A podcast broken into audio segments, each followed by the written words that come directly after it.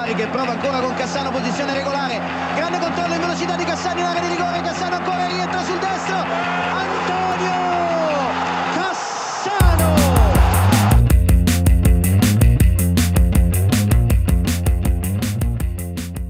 Já, sælir hlustandi góðir, punktur og basta aftur þessa vikuna eftir smá kvild í síðustu viku uh, ég, Árninn Þóru Randusson stýri þættinum með honum Byrni Má í Danmörku, Sælbjörn Já, blessaður sæl.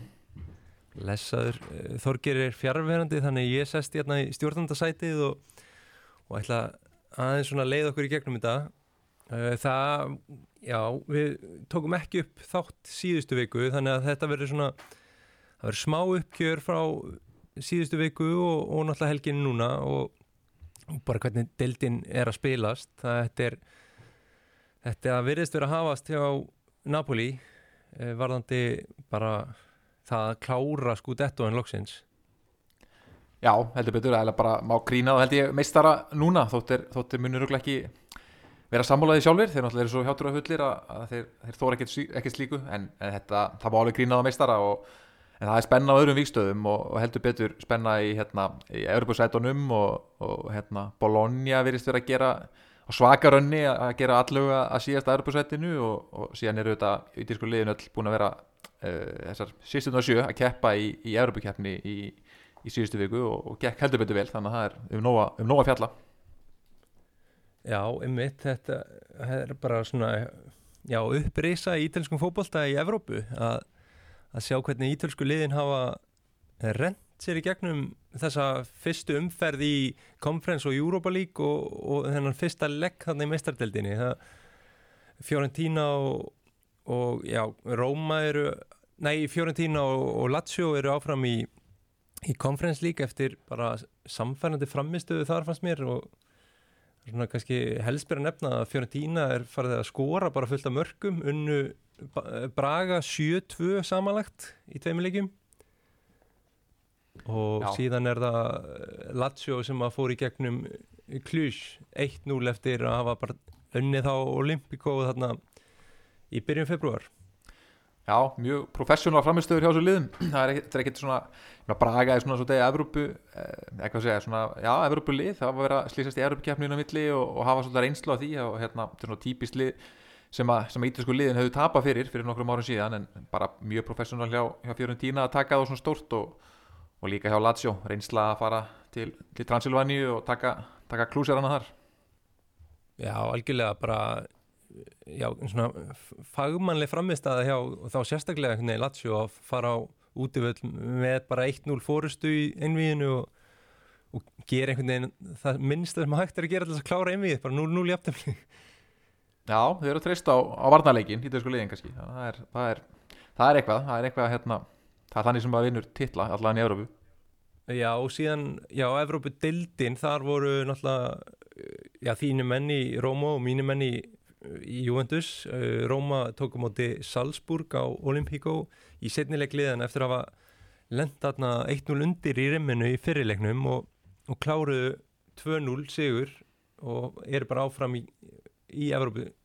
Evrópu æfintýri heldur áfram, skilur, Mourinho með möguleika að taka Evrópudeldina núna, sko.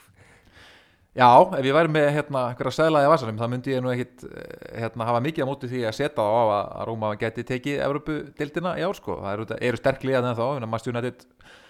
vann sín umspilsleik gegn, eða sitt umspils innví gegn Barcelona og hérna það eru, það eru góð lið en Mourinho tók konferensi í fyrra,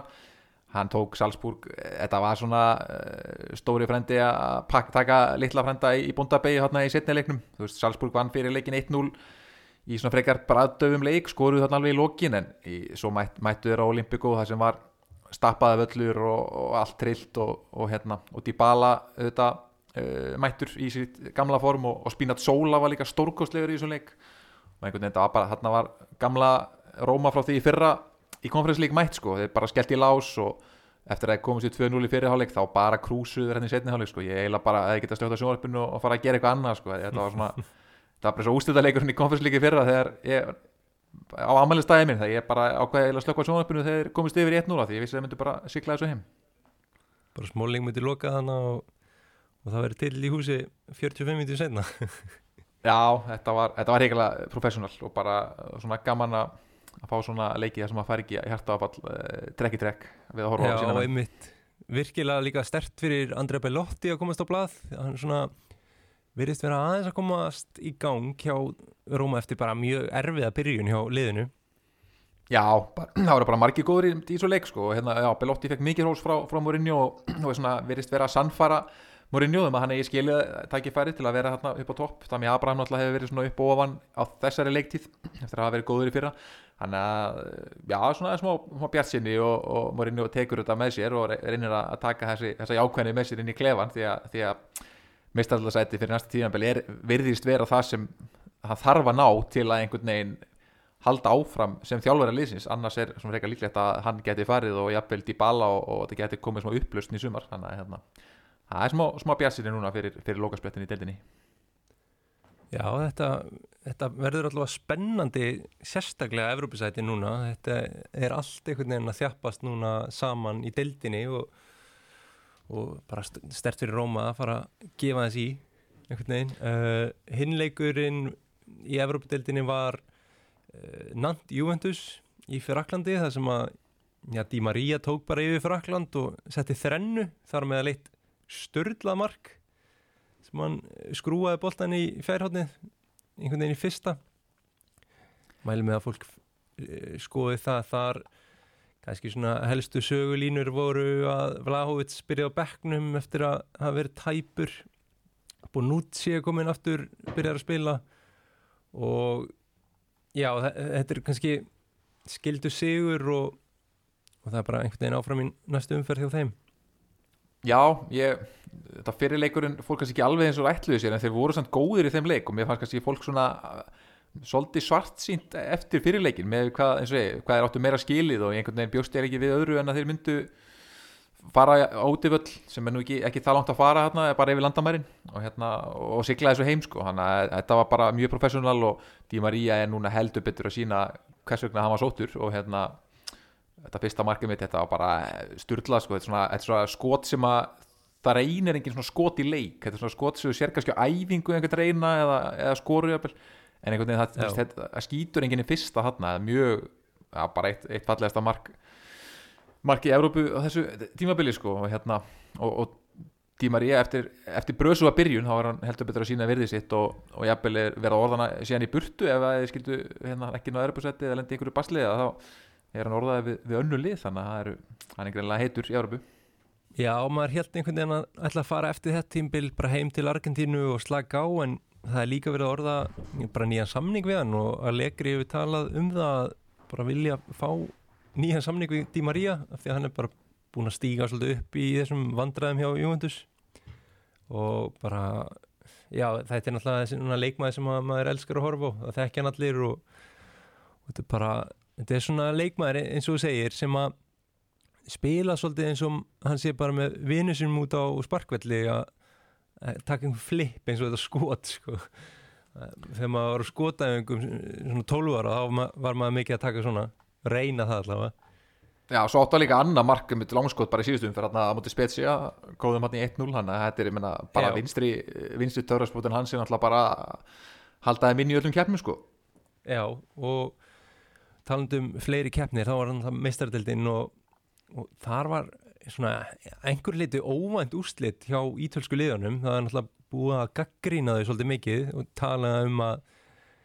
já, þetta sé svona bændadild svolítið, farmest lík eins og netið þekkir þetta sem. Uh, þar vann Asi Milan Tottenham og voru bara mjög fínir á San Siro. Uh, það var hann þarna uh, Bræm Díaz sem skoraði markið og hann er líka komast í gang verðist vera.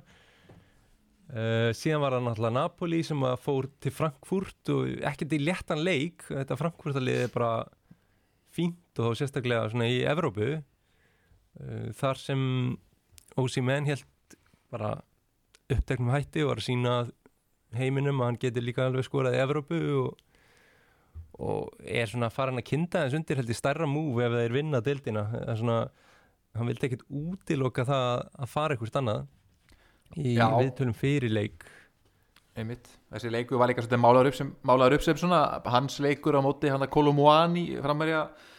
Frankfurt. Og ég, ég horfði nú á bara highlights pakka á þessu leik og var alltaf að býða eftir að þeir myndu sína eitthvað frá Frankfurt en það eina skipti sem ma- maður sá uh, Kolumuani var þegar hann fekk þetta rauðaspjaldarna og. Frankfurt áttu bara ekki færi í leiknum allavega með við hann highlights pakka nema að það hafi klift eitthvað út þannig að hérna, það virtist svona að vera frekar solid sigur þarna hjá Napoli á útivelli og, Kolomani er síðan ekki með í setni leiknum heldur þá náttúrulega er, er þetta einvið bara nánast búið sko og Napoli klúra líka vítaspinnu samt vinnaði hérna 2-0 þannig að þetta er bara mjög okkvíkjandi hjá Napoli og eins og við höfum talað um að þetta er, þeir eru búið að vera besta liðið í Evrópu hinga til á tímabilinu það er ekki þar með sagt að þessi að vera að vinna meistarleldina, það er nú ennþá lið hérna eins og Real Madrid og svona serial winning lið en ég meina það er eiginlega ekki hægt að segja annað en þetta sé búið að vera besta liðið Evrópu hingað til því að þeir hafa bara ekki misti í sig í eiginlega einum einasta leik og alveg sama á hvaða sviðið það er hvort það er meistaradeild eða deild sko. þannig að þetta er bara hrikalega samfærandi og, heldur áfram og, og ég lækka mikið til um þetta að sjá sjá oss í menn þegar þeir síðan líklegast í næstum fyrir mæti einhverju ennþá starra og, og betra liði Já, kemur mér mjög óvart að það myndi klúðara þessu niður núna einhvern veginn. Ég held að það sé ansi háar líkur að þeir fari áfram. Kannski svona aðeins aftur að AC Milan tóttinan. Hvernig telur líkur AC Milan gegn tóttinan þá útivelli í setnileiknu með 1-0 fórustu og svona Já, liðið kannski, jú, reyndar fara að spila aðeins betur heldur en að byrja árið á en, en ekki rosalega samfærandi einhvern veginn. Nei, þeir náttúrulega þurfa líklegast að skora mark sko. ég meina, mér finnst ólíklegt að tóttina að fara í gegnum einvík kannski að skora eitt einasta mark. Þannig að hérna en þeir, en þeir, þeir eru á betri staði mitt núna eftir hennan segur og síðan segur í, í deildinni heldur en þeir voru þegar veist, fyrir, fyrir fyrirleikin þannig að þeir eru svona aðeins að hitna. Slatan kom inn á um helgina kannski nefnum það eins og eftir. að hann hafi svo sem ekki geta mikið eða gert margt rétt í þessari litlu yngumi sem hann átti. Eh, þá er svona menni, leikmenni í AC Milan eru fannir að tala eins og, eins og krísan sé svolítið liðin hjá og þeir eru einhvern veginn uh, já, svona aftur komnir á skrið fannir í þryggjamanna línu eins og þeir voru hérna á móti Tottenham, það er aðeins fara að virka betur og betur. Þannig að þú veist, þeir eru alveg fína möguleika en, en þeir þurfa að skora og hérna ef þeir, gíska það ef þeir skora allan eitt mark þá, þá held ég að það sé gæti duga þeim til að til að eh, sigla þessu heim Já, bara einn maður sem hefur kannski aðeins já, lift liðin upp á herra plan þessi Fjaf í vörninni, ég kann nú ekki beira þetta fram Malik Fjaf Já. þjóðverinn sem kom frá Munnhenglakbakk í sumar og hefur verið að spila núna nokkra leiki í miðverðin eða í þessari þryggjamanna línu og bara fólk hefur verið að kalla eftir í af hverju í fjandarum hann hafi ekki komið fyrr inn í liðið sko. Já, það er geðveik ummæli að fá og, hérna, og maður bara sammála sko en svo náttúrulega líka annar sem að sneri aftur komst inn í liði núna um liðina helgi var Mike Manjan í markinu Já. Big Mike hana, og hérna hann er alltaf að pínu riðgæður eftir meðslin en, en bara riðgæður Mike Manjan húst, riðgæður hálf mittur þunnur Mike Manjan er náttúrulega betri en Tatar Usanu þannig að hérna, það er þetta bara styrkir hann liðið vaknar riðgæður sko. Já, þannig að sko, bara, það styrkir liði gríðarlega fyrir, fyrir setnileikin gegn Tottenham að vera með, með hérna, Mike í liðinu og þannig að ég held að það er svona menn allan að geta að fara aðeins til, farið til Lunduna með, með kassan aðeins úti en hérna en, eins og ég þeir, þeir munum þurfa að skora í þessu leik því að eins og ég Tottenham trúi ég nú eiginlega ekki að þeir fari í gegnum heilt, tekja leiki einví á þess að skora allan eitt mark.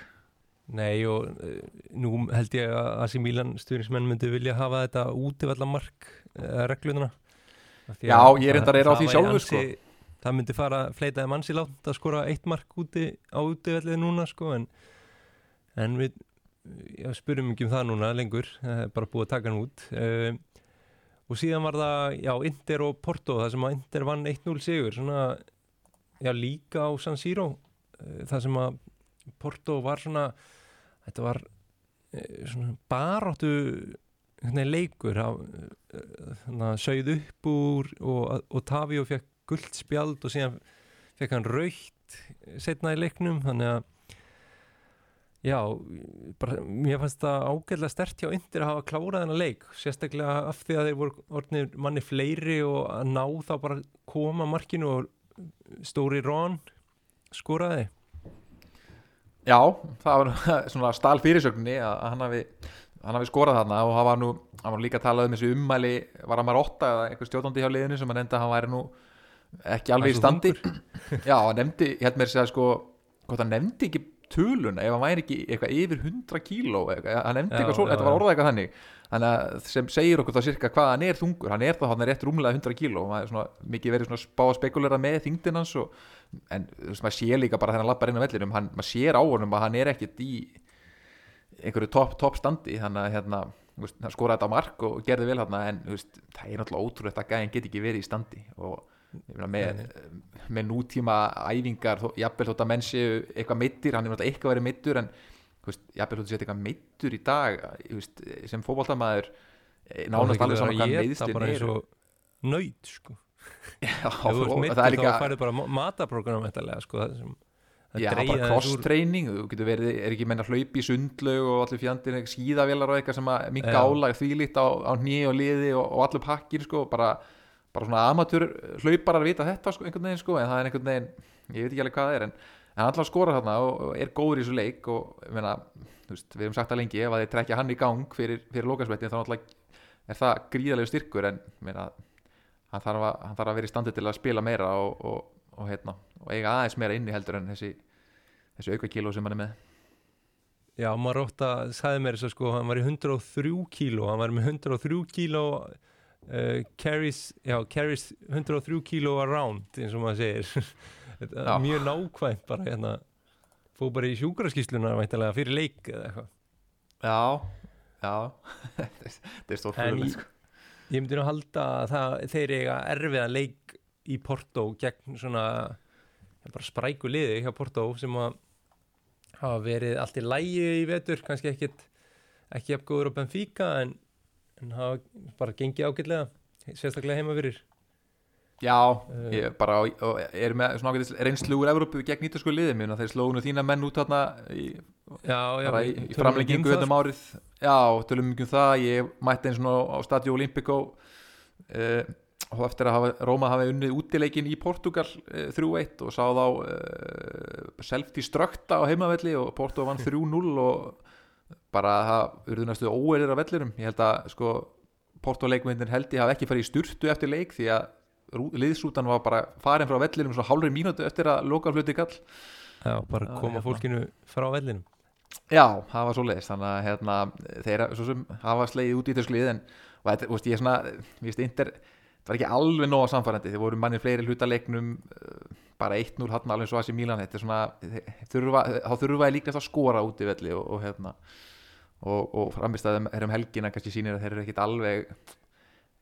alveg einhvern veginn á góðum stað akkurat núna. Þannig að mér er kannski já, ég veit ekki, hvora liðinu gefur meiri séns að komast áfram Asi eða, eða Inter? Úf, þegar stort er spurt sko, ég held að það sé bara mjög svipa kannski ég held að AC Milan geti alveg stilt upp liðinu þannig að þeir haldi hreinu á móti tóttinam af því að einhvern veginn tóttinam hafa, líka verið svona upp og niður á þessu tímbili og með hennan ítalska þjálfara sem þeir þekkja og já, ég held að ég held að AC Milan séu aðeins líklegri ég bara að spá því af því að mér finnst líka Inter á- meðan að AC Milan er að skána í spilamennsku þá er einhvern veginn Inter bara versna sko. Já, ég er eiginlega bara sammálaði sko. ég, ég mynd, Inter þarf þeir þurfum einhverja rosalega framistöðu held ég sér maður fyrir sér sko bara svona í fyrirfram, þannig að hérna, já, ég er eiginlega sammála því þetta AC Milan sé eiginlega bara líklega sko. já þeir voru líka bara hefni sko, og Nana var með einhverja rugglaða vörslu þarna gegn Porto þannig að þetta var ekkit það var ekki svo að þeir voru að bara rúlla yfir hennar leik sko. Nei, einmitt uh, en kannski bara að umferð uh, já, umferð helgarinnar það sem að við byrjum kannski bara þá á interleiknum af því að við vorum að tala um þá þeir mæta Bologna í Bologna og, og, og ná að tapa þeim leik sem er eiginlega bara eða drullu lélegt bara. Og þetta er ástæða fyrir að Inzaghi hefur náttúrulega verið orðaði frá liðinu er að þeir einhvern veginn ná alltaf að klúðra málunum þegar að eða svona, þetta er eins og jójó bara stundum er þeir mjög finnir stundum bara skelvilegir sko. Já, stundum hugsa, horfum við Inter einmitt og hugsa bara Inzaghi er bara besti þjálfari þjálfarinni deildinni og, og því líki hluti sem er að gera og þeir spila vel en svo koma bara einmitt leikir þar sem, sem allt fer í skrúuna og já, þetta, var mjög einhvern veginn dæmigert Inzaghi tap fyrst mér, þetta var svona leikur, leikurinn sem er allt í hennu bara átt að vinna fengu, stu, þetta er ekkert auðveldur leikur þannig sé eða engin þannig sé auðveldur leikur í deildinni eða þetta mæta liðin í áttundasæti og Bologna sem einhvern veginn fyrir mér hafa komið algjörlega bækt þeirra með í þetta þegar einhvern veginn rákuð þjálfaran hana sem var þetta Mihailovic hann snemma í, Já. á tíðanbylnu og Tiago Motta tók við en hann var einhvern veginn fyrst ekkert að ná að snúa genginu við og þetta var einhvern veginn voða daburt og svo allt í hennu bara horfið á töfluna núna og þeir eru bara einhvern veginn fimm stegum frá, frá Atalanta hérna í, í sjöndasætinu þannig að en já uh, lélegt hjá Inter og, og var það ekki einmitt eh, á síðasta tíðanbylnu líka sem þeir klúðruðu titlinum uh, í Bologna? Var ekki þegar Jú, Það- Ratu misti boltan hann framíðu sér og, og, og töpuðu. Hann að þetta er eitthvað svona skaramannsía búgi lið sem, að, sem er að mæta þarna. Og maður sem skoraði, já, tapaði hana 1-0 og maður sem skoraði Ricardo Orsolini farin að finna einhvern veginn skóna sín aftur eftir, já, var náttúrulega mjög efnilegu leikmaður og hefur ekki verið nóg góður eða nóg stabílt síðustu ár en hefur verið frábær eftir áramót fyrir Bologna-liðið Já, hann hefur búist mi mi miklu á honum en hann bara tók aldrei skrefið. Var, eh, Roberto Mancini gaf hann þess að tækifæri hans í landsliðinu þegar hann var hann að gefa einhvern veginn öllum tækifæri og, og, og svona hann hefur sínt að hann er efnilegur en, en tók aldrei skrefið en, en Motta virðist vera að ná vel til hans núna. Og sem er líka aðeinsvægt við Bologna er að eftir, þegar þeir spila án Arnautovic þá, vir, þá virðast þeir vera, vera að ná í stíin þannig að veist, hann, Arnautovic skora náttúrulega mjög mikið þegar hann spilar en, þá eru þeir ekki að segja stíin þannig að hérna, Já, þetta er svona kannski Já, svona, það er svona vandamál þegar hann er, þá kannski fókusin er að reyna að finna hann meira og svona og hann náttúrulega kannski já, spila svolítið mikið bara upp á sjálfan sig hvernig hann, hvernig hann hefða sér inn á velli en það var líka tekið mark af Bologna þarna fyrr í leiknum það ekki fyrir út af rángstöðu minni mig, eða hvort það var brot og þeir áttu sláar eða stangaskot og þeir voru bara virkilega góðir og Tiago Motta er að gera bara svolítið gott móta það Já, ég meina hann er bara einn af svona þessu næstu þjálfurum sem að muni fá tækifæri í, í stóru liði sko, ég meina hann er búin að ganga alla, alla leiðina upp, alla flokkana, tók við, var með úlingarlið PSG, tók síðan við Geno, ég meina það gekk nú ekkit sérstaklega, var ekki nefnir eitthvað fimmleiki, svo fekk hann Spezia, gekk mjög vel þar, tók síðan skrefið upp í Bologna, að hann svona er að gera þetta eh, rétt og hérna fær smá tíma til að byggja upp einhvern veginn sitt spil og, og svo bara lítur þetta mjög vel út og og hann alltaf sem fyrir um leikmaður Inter lítur líka að vera svona nafn á blaði allavega hjá Marotta eða þeir alltaf láta einn saki fara eftir tímabilið og, og hérna, ég er bara mjög spenntur að sjá hvað hvað Motta gerir næst á, á sínum ferli sko. Já, ég held að Inter geti verið sérstaklega ef að, að Simone já, tekur ekki skrefið til Inter í sumar þá er það kannski já, geti svona að hafa augast að á Motta fyrir þá? Já, Motta hefur náttúrulega hann hefur ekki unnið neitt sem þjálfari auðvitað, og ekki ná kannski eins miklu árangri í rauninu og, og eins Saki náða sem þjálfari sem alltaf vann byggar þetta með Lazio en Motta hefur samt sem leikmaður auðvitað unnið stóra hluti og, og hérna, hann, hann svona kemur þá reynslu kannski meira inn í klefan, þetta leikmaður sem að auðvitað vann allgaleri með, með Barcelona og, og Inter og svona hann að hérna.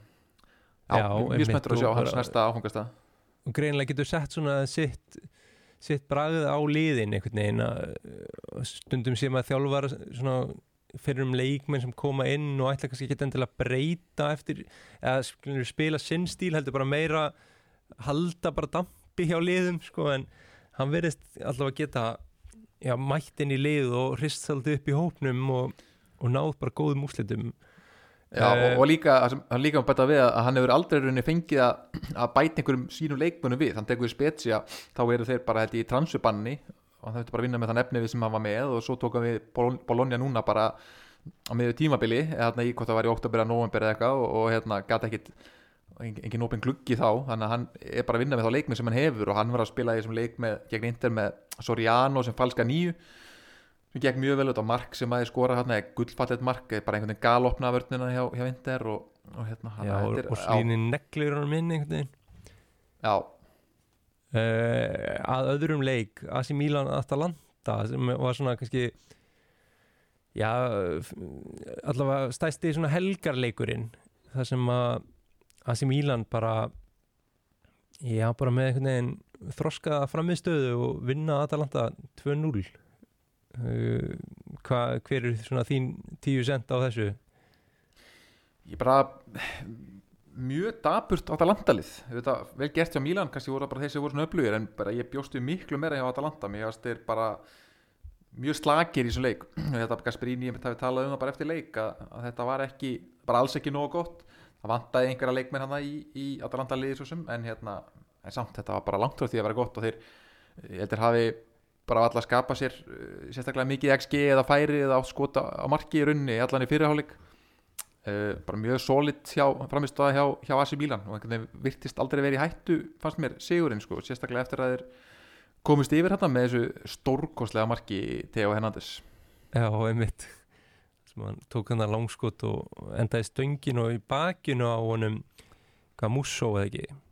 Jú, einmitt, þetta var svona einmitt minnir á hana Jorginho marki nema bara þessi fór í stöngin á og bakið á markmærinum en, en svo, svo fallet skot, smelt hittir hann svo vel einhvern veginn á lofti að, að veist, það, það, það hafi verið eitthvað svona bakið á markmærinum inn, það svona íðilegur einhvern veginn ekkit fegurðina við þetta mark, fannst manni. Nei, nei, klálega ekki sko. En það eru svona, já, stærsta fréttin er að Zlatan Ibrahimovic spilaði í þessum leik kom inn á með já, belganum unga, Ketilare uh, Já, eins og þú sagðir þarna í byrjun þáttar þá það var ekki mikið að gerast kringum uh, Zlatan og hann reyðist ekkert eitthvað allt og rattaðna í kringum holtan sko Nei, ég, það er þetta þegar þú segir að núna hann hefur komið inn á með þetta getilari á sama tíma og hann þá svona, er það einmitt fara að lúka kannski meira bara eins og hann sé svona koma inn sem svona hans einhver svona personal coach sko, reyna einhvern veginn að koma honum í gang það líka, sko. sko. Já, ég held að sé alveg en engin tilhjulun sko, því að Slata svo sem sagði það eftir leikum þetta, hann, sko, hann vildi ekki vera einhvern veginn að koma inn á veist, bara til að koma inn á hann er alltaf að tala um að ef hann vil snú aftur á völlin þá verða til- að vegna þess að hann hefur eitthvað fram að færa en þú veist, maður sá svo sem ekkert að hann hefði eitthvað mikið fram að færa sko fótballtælega séð þarna en, en meina, bara að koma inn á móti Atalanta sem er svona high pressing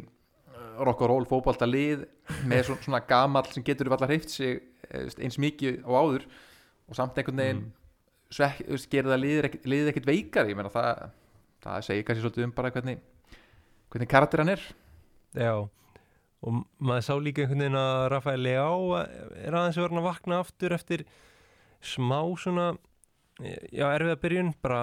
á sama tíma að sem Mílanliði var að spila illa og spilaði hann ekkert sérstaklega vel heldur en hann er aðeins orðin já, bara stabíli og ég sá einhver tölfræði að hann er með flestar big chances created uh, í deildinni. Og það er svolítið áhugavert að því að umræðan hefur verið að hann sé svona ekki búin að vera nógu góður eða í, í vetur og hvart skili og Dybala hafi bara verið frábærir. En síðan sér maður þessa tölfræði að hann er líka alveg að skapa þó að hann sé einhvern veginn ekki að spila alveg vel og í fyrra sko. Já, klálega, held að líka þessi nýja taktíka þessi 3-4-3 sé kannski svolítið að hjálpa honum. Um það, í svona 4-4-2 sem þá annað framherji eða eitthvað vinstri kantir um kannski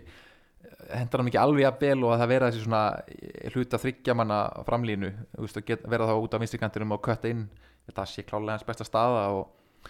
og ef, hann, ef hann er að fara að toppa núna þannig er það á rétta, rétta tímapunkti á, á, á tímabilinu. Þannig að hérna já, gaman að sjá hann, hann svo sem er eins og alltaf orðaðir í burtu var núna orðaðir við Liverpool sá ég í dag ef að Liverpool myndi missa Sala að hann myndi þá koma í staðinn og það sé að vera einhver skipti á honum og, og honum hérna hvað er hann, Luis hérna, Díaz á hérna vinstri kanturum hjá, hjá Liverpool þannig að Já, en AC Milan var menn alltaf vona bara til að vonast til þess að hann skriði bara til nýja samning. Já ég held að það sé svona blöytu draumur bara að serju að hann skrifindi nýjan samning. Þetta er það er einhvern veginn mjög dýrt að missa þennan gæði úr deildinni en, en já, þeir eru hvað í þriða sæti þarna á eftir Inder og, og eru bara já, með jafnmörg stig með þess að einhvern veginn komin komnir upp að Inder aftur. Já, þetta er bara að fara að líta betur út hjá, hjá Asi. Já, miklu betur. sko. bæði hjá Asi og, og Róma er líka, það er, þetta er gal opið hérna fyrir aftan og fyrir aftan Napoli í þessi mistaraldarsæti og liðin skiptast á að, að mistíga sig. Þannig að hérna, já, bara mjög spennandi, spennandi vikur í vendum Já, en að meistara efnunum í Napoli, þeir vinna þarna Empoli 2-0 á útivelli bara eh, með svona sigurvera framistöðu og, og já, Viktor Ósimenn með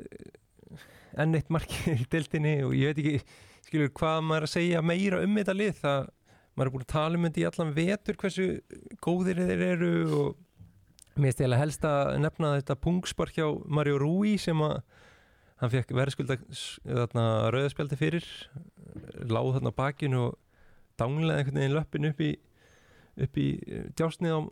leikmann Empoli. Já, alltaf hans, hans fyrir um líðspjölugum hann alltaf er, er, sló í gegnu þetta fyrst hjá, hjá Empoli. Já. En skilur, er, er, getur við eitthvað bætt við þetta lið skilur, þetta er bara þetta er bara sama sagan helgi eftir helgi. Þeir eru með átjónstega fórustu og einhvern veginn bara uh, flottir í Evrópu það er ekkert það er einhvern veginn ekki takt að bæta við umfjöldinu um þetta skilur, við erum búin að tala um þessa leikmenn og hversu góðir þeir eru skilur, ég veit ekki alveg hvað hvað er hægt að segja meira sko. Nei, ég meina hvað er Rossi menn að skora sitt markum með 19 á tímabilinu sem Já. alltaf er, er, er hansi gott og hérna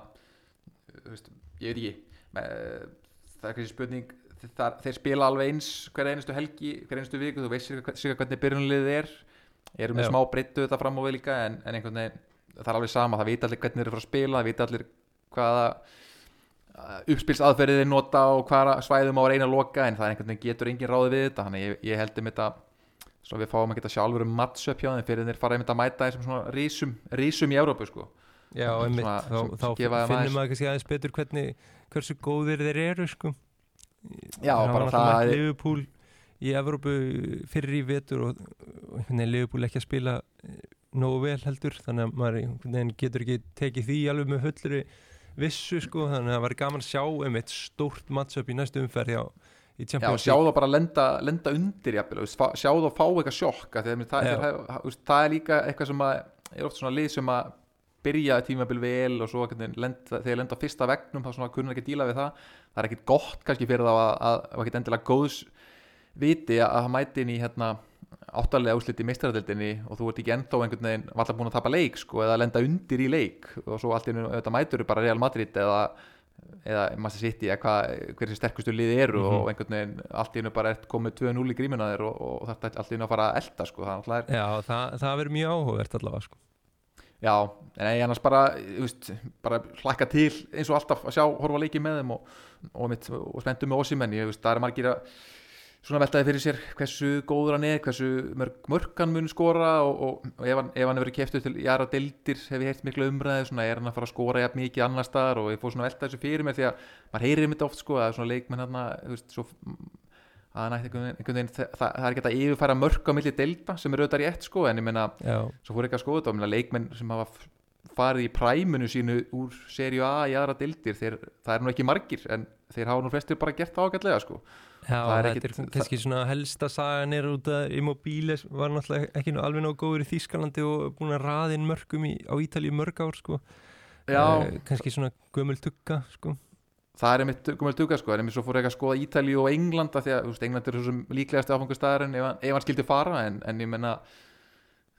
það er, það er eiginlega engin strækjar í præminu sem er farið úr serju A í, í, til England, þeir eru flesti verið bara alveg búinir á því, ég menna Gonzalo Higuín fór hann yfir og gerði nú ekki gott móti Chelsea og fyrir áramót og svo mætti hann eftir áramót til AC Milan og skoraði ennþá minna og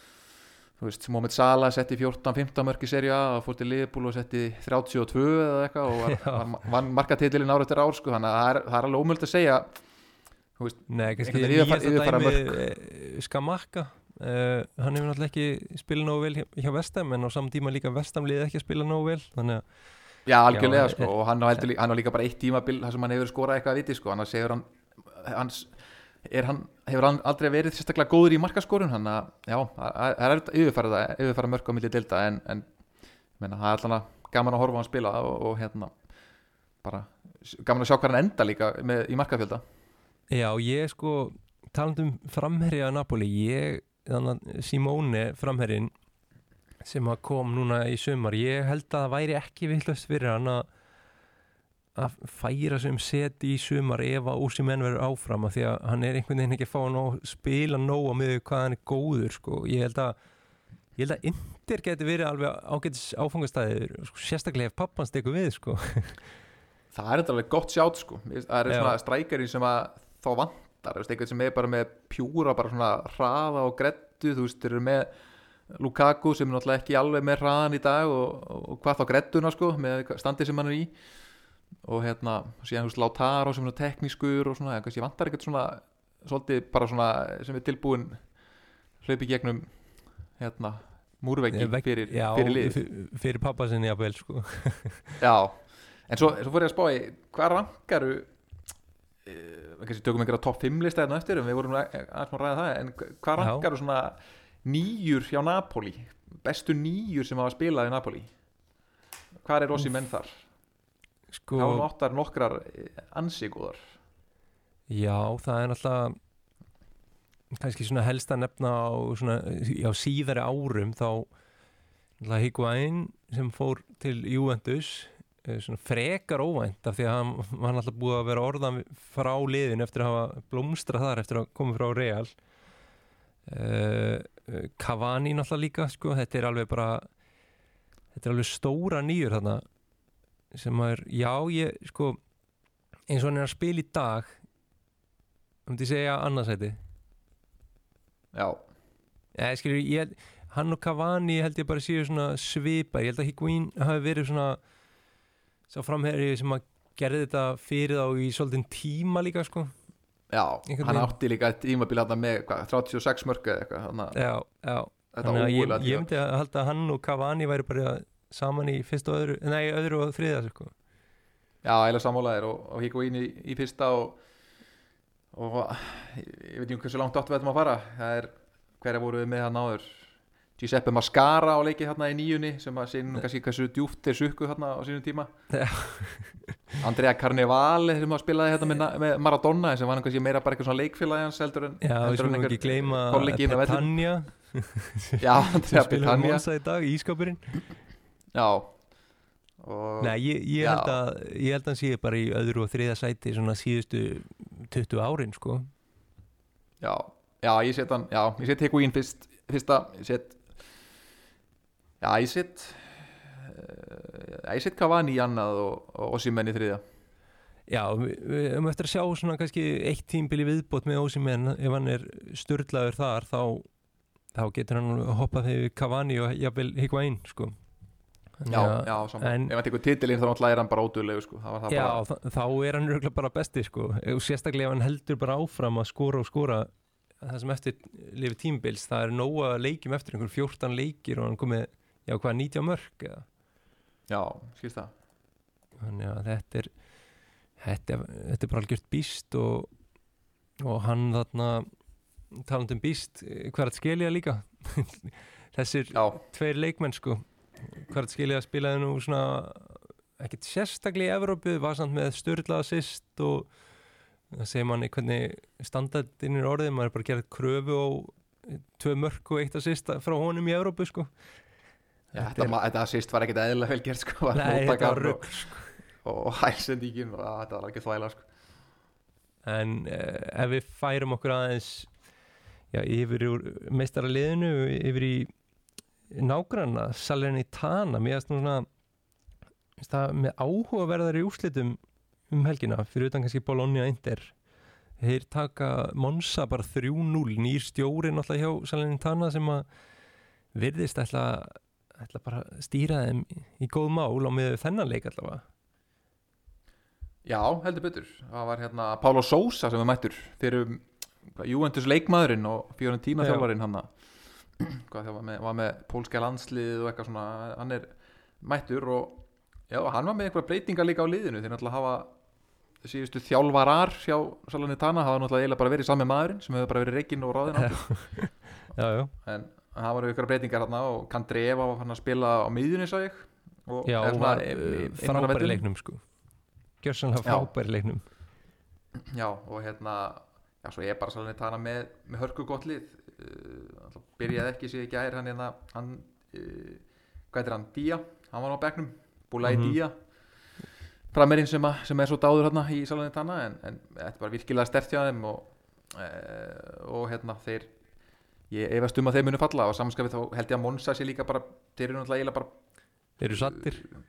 já, búin að bjarga sér, þú veist, þeir eru að spila fyrir þetta er svona. Sassuolo syndrómi sko, búin að bjarga vennilega eftir rúmlega halva, hérna, halva spilaða deild og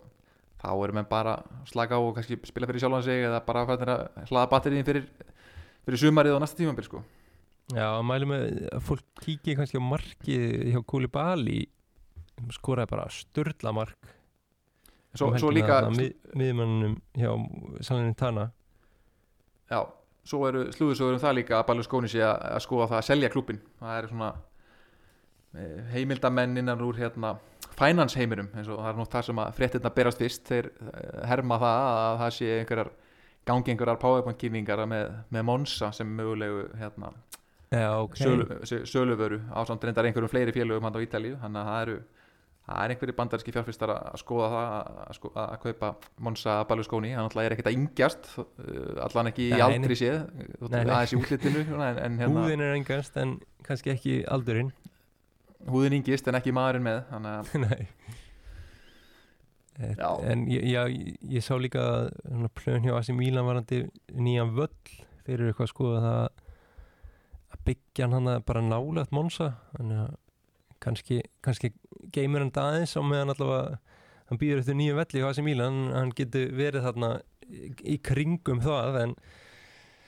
en já, þetta, þetta svona Monsa ævintýri bara er bara eins og við töluðum um fyrir tímbil þeir bara halda sér uppi en þetta verður ekkit þeir eru ekki fyrir að gera neina aðluga en einu öðru og það svona einhvern veginn sannreindist um helgina. Uh, síðan var uh, hörku leikur hjá Udinese og Spezia það sem að minn maður Enzola skoraði og, og Beto. Uh, þetta var svona framherja bardagi sko. Virkilega bara fýll leikur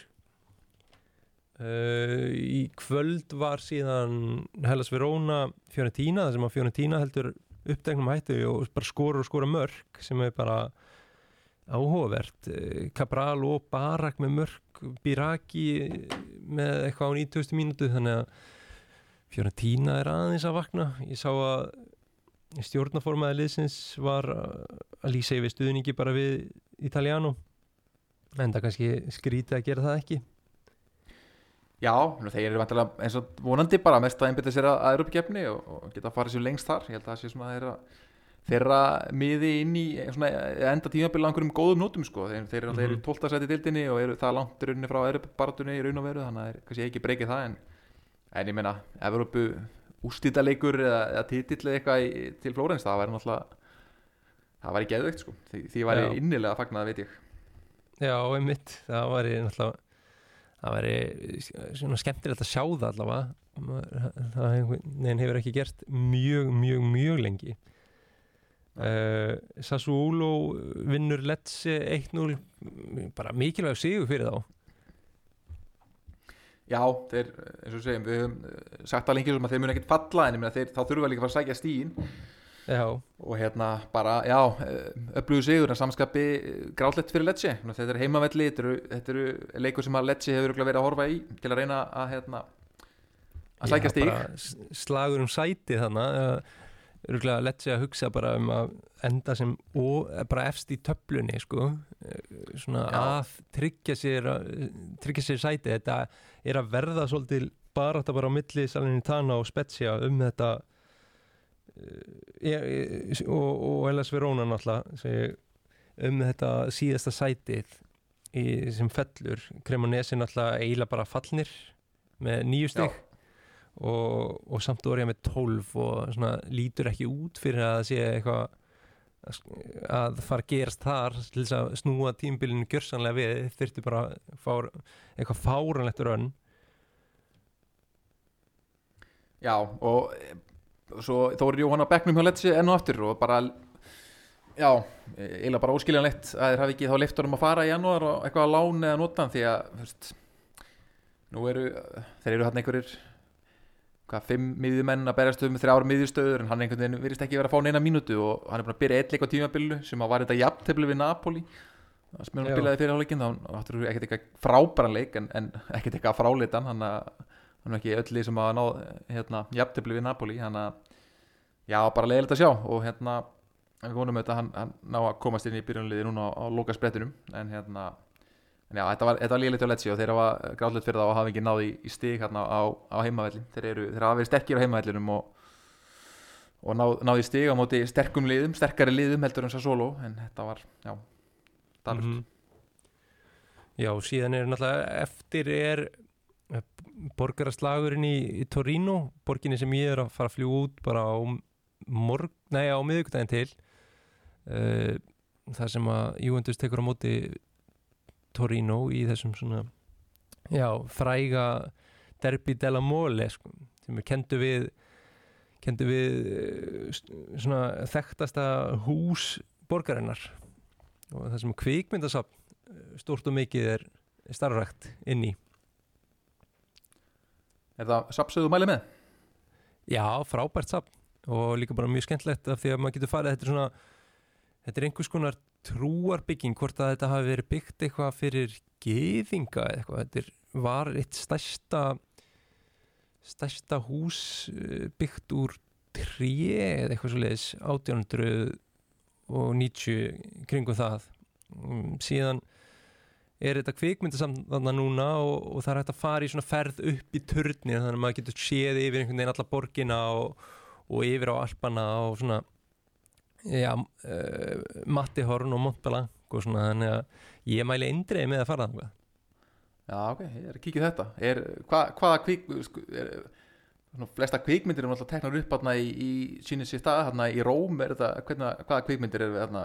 Já, hvers þetta, konar þetta, er kvikmyndasafn bara- er þetta? Þetta er basically bara svona eiginlega svona kvikmyndastjörnusafn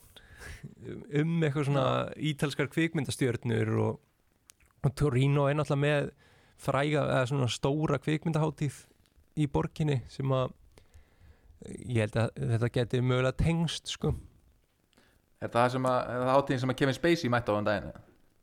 já, eh, ég, ég held það nei, byrju, jú, þarna í haust væntanlega. Já, já, jú Já,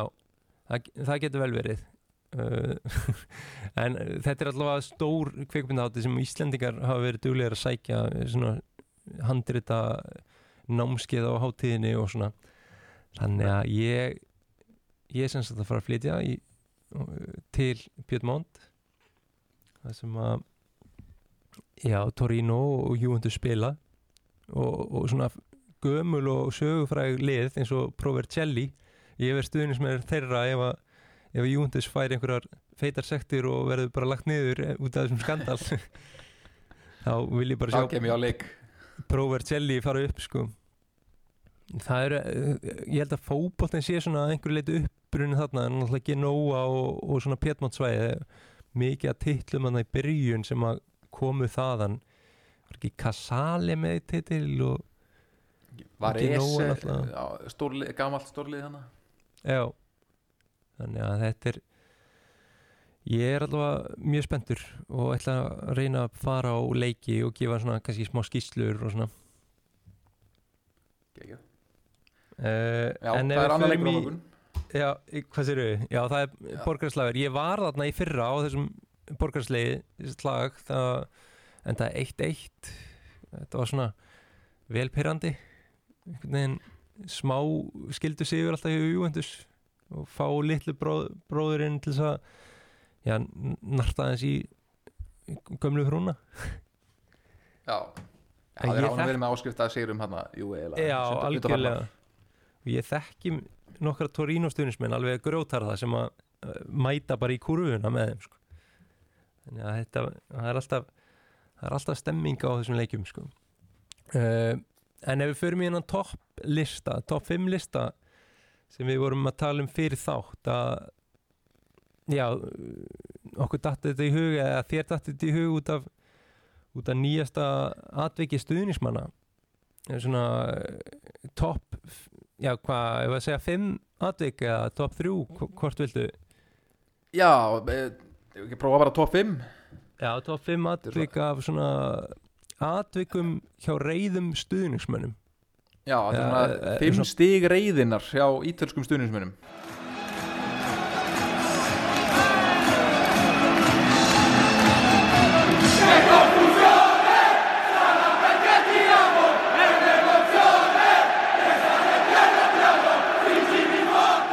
Byrjum náttúrulega bara á hérna, gamli góði mótmælaborðin upp í stúku. Ítalið náttúrulega eru, eru er duglegir að mótmæla og þú mátt mæta með, með borða með alls konar skilabóðum þetta er ekki, þetta er ekki alveg stengelt eins og, í- eins og í sumum öðrum deildum þú nefnir engar, engar á nafn en hérna það er, þannig að menn mæta með skýr skilabóð þar og, og jafnvel mjög skýr skilabóð Já, Svo er það, þú veist, st- hérna, nummið tvö, það er náttúrulega bara þjálfari sér eikin, það er auðvitað svona,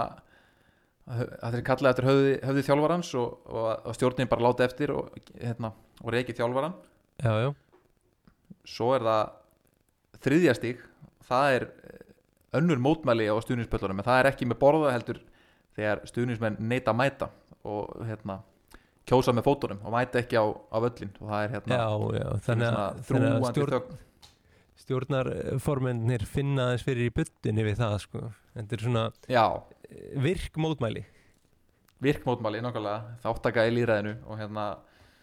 það kemur líka fyrir og, er oft mótmælt af ímsum ástæðum sem að menna að mótmæla en, en, en uh, þetta kemur oft fyrir. Aðeins og oft. Mhm. svo er það fjórðastígið uh, það, það eru fimm stig en þetta er fjórðastígið það er sem sagt uh, mótmæli við æfingasvæðið. Og þar þar eru menn grjótarðir oft mæta á æfingasvæðið og heimta svör heimta að fá að tala við hérna tala við jafnvel fyrirliðan og, og stjórnaformaninn og þjálfarann og það þarf að róa menn á svona árun æfingi byrjar og, og svona. Og Já. þetta er, þetta er það fjórðastíð og svo erum við fimmtastíð og það er það sem við fengum að sjá hjá Sampdoria núna í vikunni, það er svínsöfuðið þegar Já, einhver fær svínsöfuð það er fimmtastíð reyðinar á Ítalíu. Já, og það, það ásvöldi við um svona latínu heiminn alltaf. Þetta, þetta svínshöfuð hefur sterka meiningu þar. Sem við sáum alltaf þegar var hent svínshöfuði í átt að fík og mannstu Real Madrid Barcelona leiknum eftir hann skipti yfir í Real?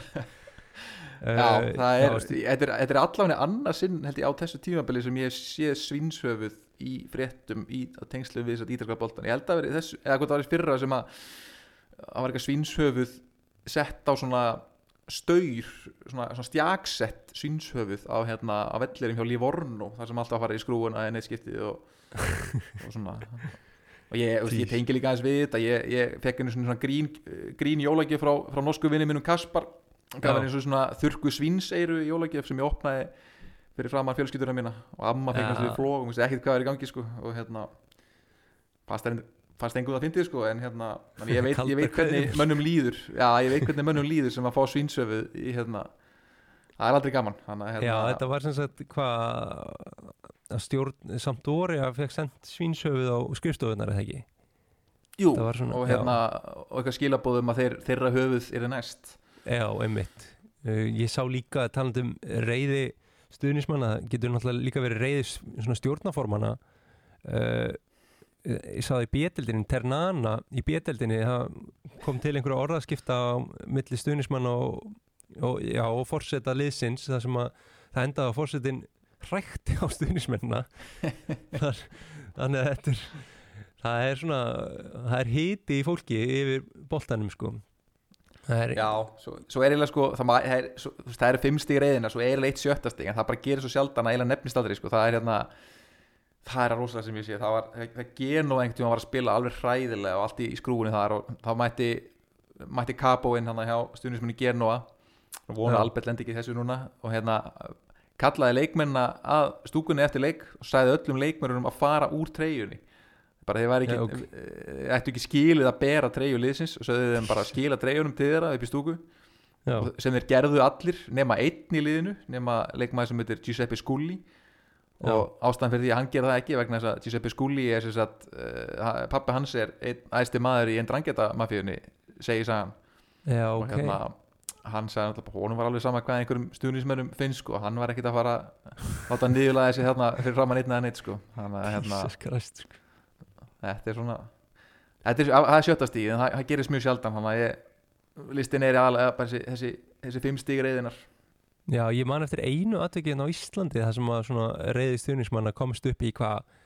já, fyrsta stig það var þarna þegar að gróttumenn mættu með borða á völlin eða einhver skildi og vildu fá Sigga Helga át sko. Þa, það það var svona það harðast sem íslenskir stuðnismenn gera sko. Já, það er þetta rosalegt já, Gróttustunum voru líka, þeir voru ekkert að grína sko. ég, ég, ég bara virðingu fyrir þeim já, þetta er við þurfum að sjá meira af þessu í boltanum að henda einhvern svínshöðunum innum hérna, já, skrifstofur í borgatúninu eða eitthvað sko. Já Það er Já. sviðakjammi, það er svona, það er svona íslenska útgáfan af þessu já, einmitt, kjammi bara kjammi á gólfið sko. Já, Nei, en ef við förum aðeins í B-deldina þar voru það var bara vel mætti í B-deldinni talandum stuðnismenn ég sá aðeins af þannig að Frosinone Parma. Bara næ, næstu fullu völlur í B-deldinni í, í störlum leik þrjú fjögu fyrir Parma. Og hvernig bara það er svo geðvegt að sjá B-deldarleik sem lúkar fyrir að vera A-deldarleikur sko ég meina? Svona þegar þú horfir á hann bara umgjörðin skilur það eru 15.000 manns á velli sem tekur 16 manns og það er bara styrlu stemming og þá hugsaði bara, wow, þetta er bara eins og 90s hérna A-deild sko. já, þetta er líka þetta er líka tvöflið sem að mættu bara gætna að vera í aðeldinni sko, frá sér nóni eru hérna eh, þetta er, eh, hvað er það, 40 myndum klukkutíma frá Róm, þetta er hérna í rétt suður á Róm, í Latína hérna og hérna, þeir eru með eigin völl einhvern veginn og bara fýt klúbu sko og eru þetta bara er, að rúlla yfir bíðeldina, Já, þetta stert fyrir Parma að vinna þennan leik. Bara, já, það er ekki manni, manni færri og, og allur pakkin jú, jú rauðspjald og eitthvað að- en, en eins og ég, Fabio Grosso er að fara upp með þetta frá sér nónilið, það virðist ekkit virðist ekkit geta stöðvað en allavega. Við sjáum hvort að þetta hafi hvort það hrygt eitthvað í, í stóðum þeirra núna eftir hérna, þetta tap. En hérna já, það verður líklegast fá að sjá frá sér nóni í aðeldinni á, næsta ári. Já, og síðan fekk þarna uh, hann Hermansson, Hjörtur Hermans hann fekk raukt spjald gegn Perugia í 2-1 sigri hjá Pisa. Mm, þeir náttúrulega búin að ná vopnum sínum aftur. Leðilegt sjá samt þetta rauða spjald hjá já, drengnum sem hefur verið að spila bara ágætlega já, þetta var vist hérna, bara aftasti maður samt eitthvað, var samt spjald heyrði maður en hérna, en já, hann er búin að vera frábær og eins og við höfum nefnt áður, hann bara ég, ég gerir bara ráð fyrir honum í ítalska, nei, í, ítalska, í, í íslenska landsinsofnum e, næst, því að hann er ekkit margir hafsendar endilega sem að vera að spila á, á einhverju svona þokkalu leveli sem að er að spila bara week in, week out og hann er búin að vera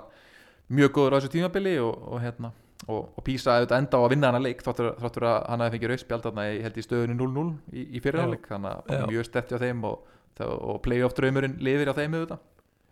Já, og, og talandi um ís, fleiri Íslendinga Albert náttúrulega var maður leiksins gegn spal það sem hann skoraði líka bara fínt mark. Uh,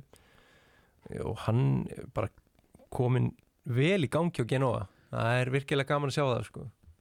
Já, hann fekk, fekk 7-5 í engun held að hann hafi verið uh, með hestu engunna í liðinu allan sem ég sá Já, á einhverjum, einhverjum uh, ónefndum uh, vefmiðli sem ég, sem ég skoðaði. Þannig að hérna, já, frábært í honum og bara stóru hlutverki við að við að líklegast koma, koma Genoa upp í efstel sko og þetta mikill stuðningur hérna sem þið fengu á vellinum svo ég í, í þessum leik. Og hérna, bara, ég segi, gaman að sjá. Já eh, það verður svona skipting hjá já, Genoa liðunum. Samt orði að vendalega fara niður og, og Genoa fara upp það voru 24 manns á vellinum þegar þið mættu þannig spal. Um, síðan í, í Fenum var Mikael Egil í já, byrjunliðinu það ekki? Jú, Jú, hann bara búin að byrja alla leiki síðan hann, síðan hann mætti og, og þeir hafa ekki tapa leik held ég ennþá. Og hérna eru já, hvernig fór leikurinn hjá þeim helgina sér 0-0 í aftefli á móti Sardiníu mönnunum Cagliari Já, já, á móti Ranieri og, og fylgum já, já, bara mjög, mjög góð úslitt fyrir, fyrir uh, Venezia sko og hérna, Já. bara, einmitt, gaman að sjá annar leikmaður þetta sem, að, sem að maður býst nú við að verði í landslýsopnum uh, komandi. Já, hvenær sem það nú verður, ég ég er ekki að spá einhverjum, einhverjum, einhverjum landslýsop núna, ég veit ekki sem hvenar næstu landsleikur er sko. Nei, ég held að, ég held alltaf að Mikael Egil eigi sæti þar inni hann hefur spilað svolítið undir Arnari, sko. Þannig Já. að það, myndi finnast það skrítið að hann var ekki í hópnum. Já, Uh, það var eitthvað aðeins minna frétta í kvennamein Sara spilaði þó. Uh, meira var það nú held ég ekki. Held að, jú, Margrét Átna kom inn á einhverjar 7-8 mínútur. Uh, Anna var ekki með Inder og já, Guðni Átna er er ekki meitt, er það ekki rétt í mér? Jú, uh, Guðni var mittið þarna í þessum leik og var ekki með. Og ég held að, ég held líka að Alexandra eða fjóru tína, það er alltaf voru í sko landsinsverkefni stelpunar Já, bara einhverju þreymur dögum fyrir sko, þannig ég held að það gæti verið þess að ég vitið að það sé eitthvað bara tengt í sko, eða sé eitthvað þreita eða, eða bara hafi já, mistað einhver. Þannig, að- en uh, já, en það hafa verið að spila mikið en, en eitthvað óvinnu lítið þessa, þessa umferðina. Já, einmitt þetta svolítið skrítið einhvern veginn fyrir uh, já, bara stelpuna sem hafa verið að spila sérstaklega mikið sko, en, en spurning eins og þú segir hvort það séu landsleikinni sem eru að hamla því að þær séu að spila þessi leiki. En, er, en er, en Róma er á topnum og, og Juventus er þarna í öðru seti og svona, sýnist allt lítið út fyrir allan að, að þetta verði efstu tvöliðin hann Já, Róma ég og held að ég held nú líka bara að Róma sé að, að klára þetta. Þeir, þær hafa verið mjög góður í vetur unnu Sampdoria um helgina og, og bara já, já eiga Barcelona í ég, uh, hvernig megin? Og hérna eru uh, sá leikur held ég að verði spilaðar á Stadio Olimpico, ég held að held að plani sé að reyna að selja hérna einhverja ansi marga miða á, á það að hérna, Það væri frábært. já, það verið gaman að sjá það sko. Nein, sjá Olympíko bara smekk fullan á kvennaleik. Já, svo bara má ég til með að nefna líka sétildina hjá köllunum. Hann að Bjarkistitt uh, komin heldur betur á, á stað þarna með uh, Foggia, búin að vera í byrjunleginu sístu tvo leiki Já, sem að Foggia hefur unnið, fyrst þarna á miðjunni og, og spilaði þarna 90 myndur í 300 seri og svo núna um helgina aftur, þá var hann held ég á kantinum. Þannig að bara átt bara erfitt síðasta árið hérna Já, hjá. Venezia, ekkert að spila en er núna og, og út að láni fyrra gekk ekkert, vola vel en, en núna einhvern veginn bara já, komin í byrjunliðið og er að spila allan sístu tvo leiki og bara gaman að sjá. Og annar leikmaður sem við móðumst til að sjá áfram á Ítalíu í framtíðinni. Já þetta það verðist allavega að vera að gerast eitthvað hérna í neðri dildunum hjá Íslendingunum sérstaklega núna. Það var aðeins minna að spila fyrir ánumót fannst mér. Eh, þeir verðast komnir með einhvern veginn bara já, liðin komið með sín lið og Íslendingarnir í þeim liðum Já, Óta Magnús líka hann kom inn á Virtus Franka Villa svo við klárum þetta. Já, gekkja nafn á liði líka sko. Franka. Vila uh, Síðan er það bara, já Ég held að við séum tæmdir í dag. Ég heyri væntanlega frá ykkur bara frá uh, Torino eða frá bara þarna rétt sunna við Torino. Þannig að ég já, ég bara þakka þakka Suðurlandsbyrðinu fyrir í byli, ég verði náttúrulega úti í ár og við ætlum að reyna að vera á, þremur stöðum í einu. Tæknin er orðin það góð að það ætti að ganga. Tæknin er rosaleg, það er nefnilega það er nefnilega þannig sko. Já, en við bara minnum á já, leiki bara næstu helgar. Það, eða, já, eiginlega ekki helgar en það er náttúrulega bara morgundagurinn. Það er Cremonese og Roma og, og Juventus Torino á þriðudeginum og, og síðan er það Napoli Lazio sem verður áhuga að vera leikur á föstudaginn í vikunni. Já, svo bara að nefna líka sunnudaginn. Komandi sunnudag, þar eru, þar eru okkar menn Róma Júndus Já, ég skal segja það, ég verð á einhverjum góðum bar í Torino að horfa á þann leik. Þannig að leikurinn er í Róm þannig að ég get því miður ekki síðan á vellinum. Já, mér finnst það hljóma bara ansið vel að vera á einhverjum velvöldum bar í Þórin og á Róa leik sko Já, og helst í svona smá lélegum gæðum á sjónvarpinu. Það sem Já. þetta er smá svona það er ekki full háskerpa sko. Já, barinn er með hann er með áskrift samt á þess að vera með áskrift. Já, já, já, þannig. En já, ég bara uh, þakka þér fyrir kvöld og Yes, bara sömulegis já, við heyrumst bara frá Ítalíu. Gerum það, blessaður molto disperato, io mi pensavo che la partita andava non male, malissimo.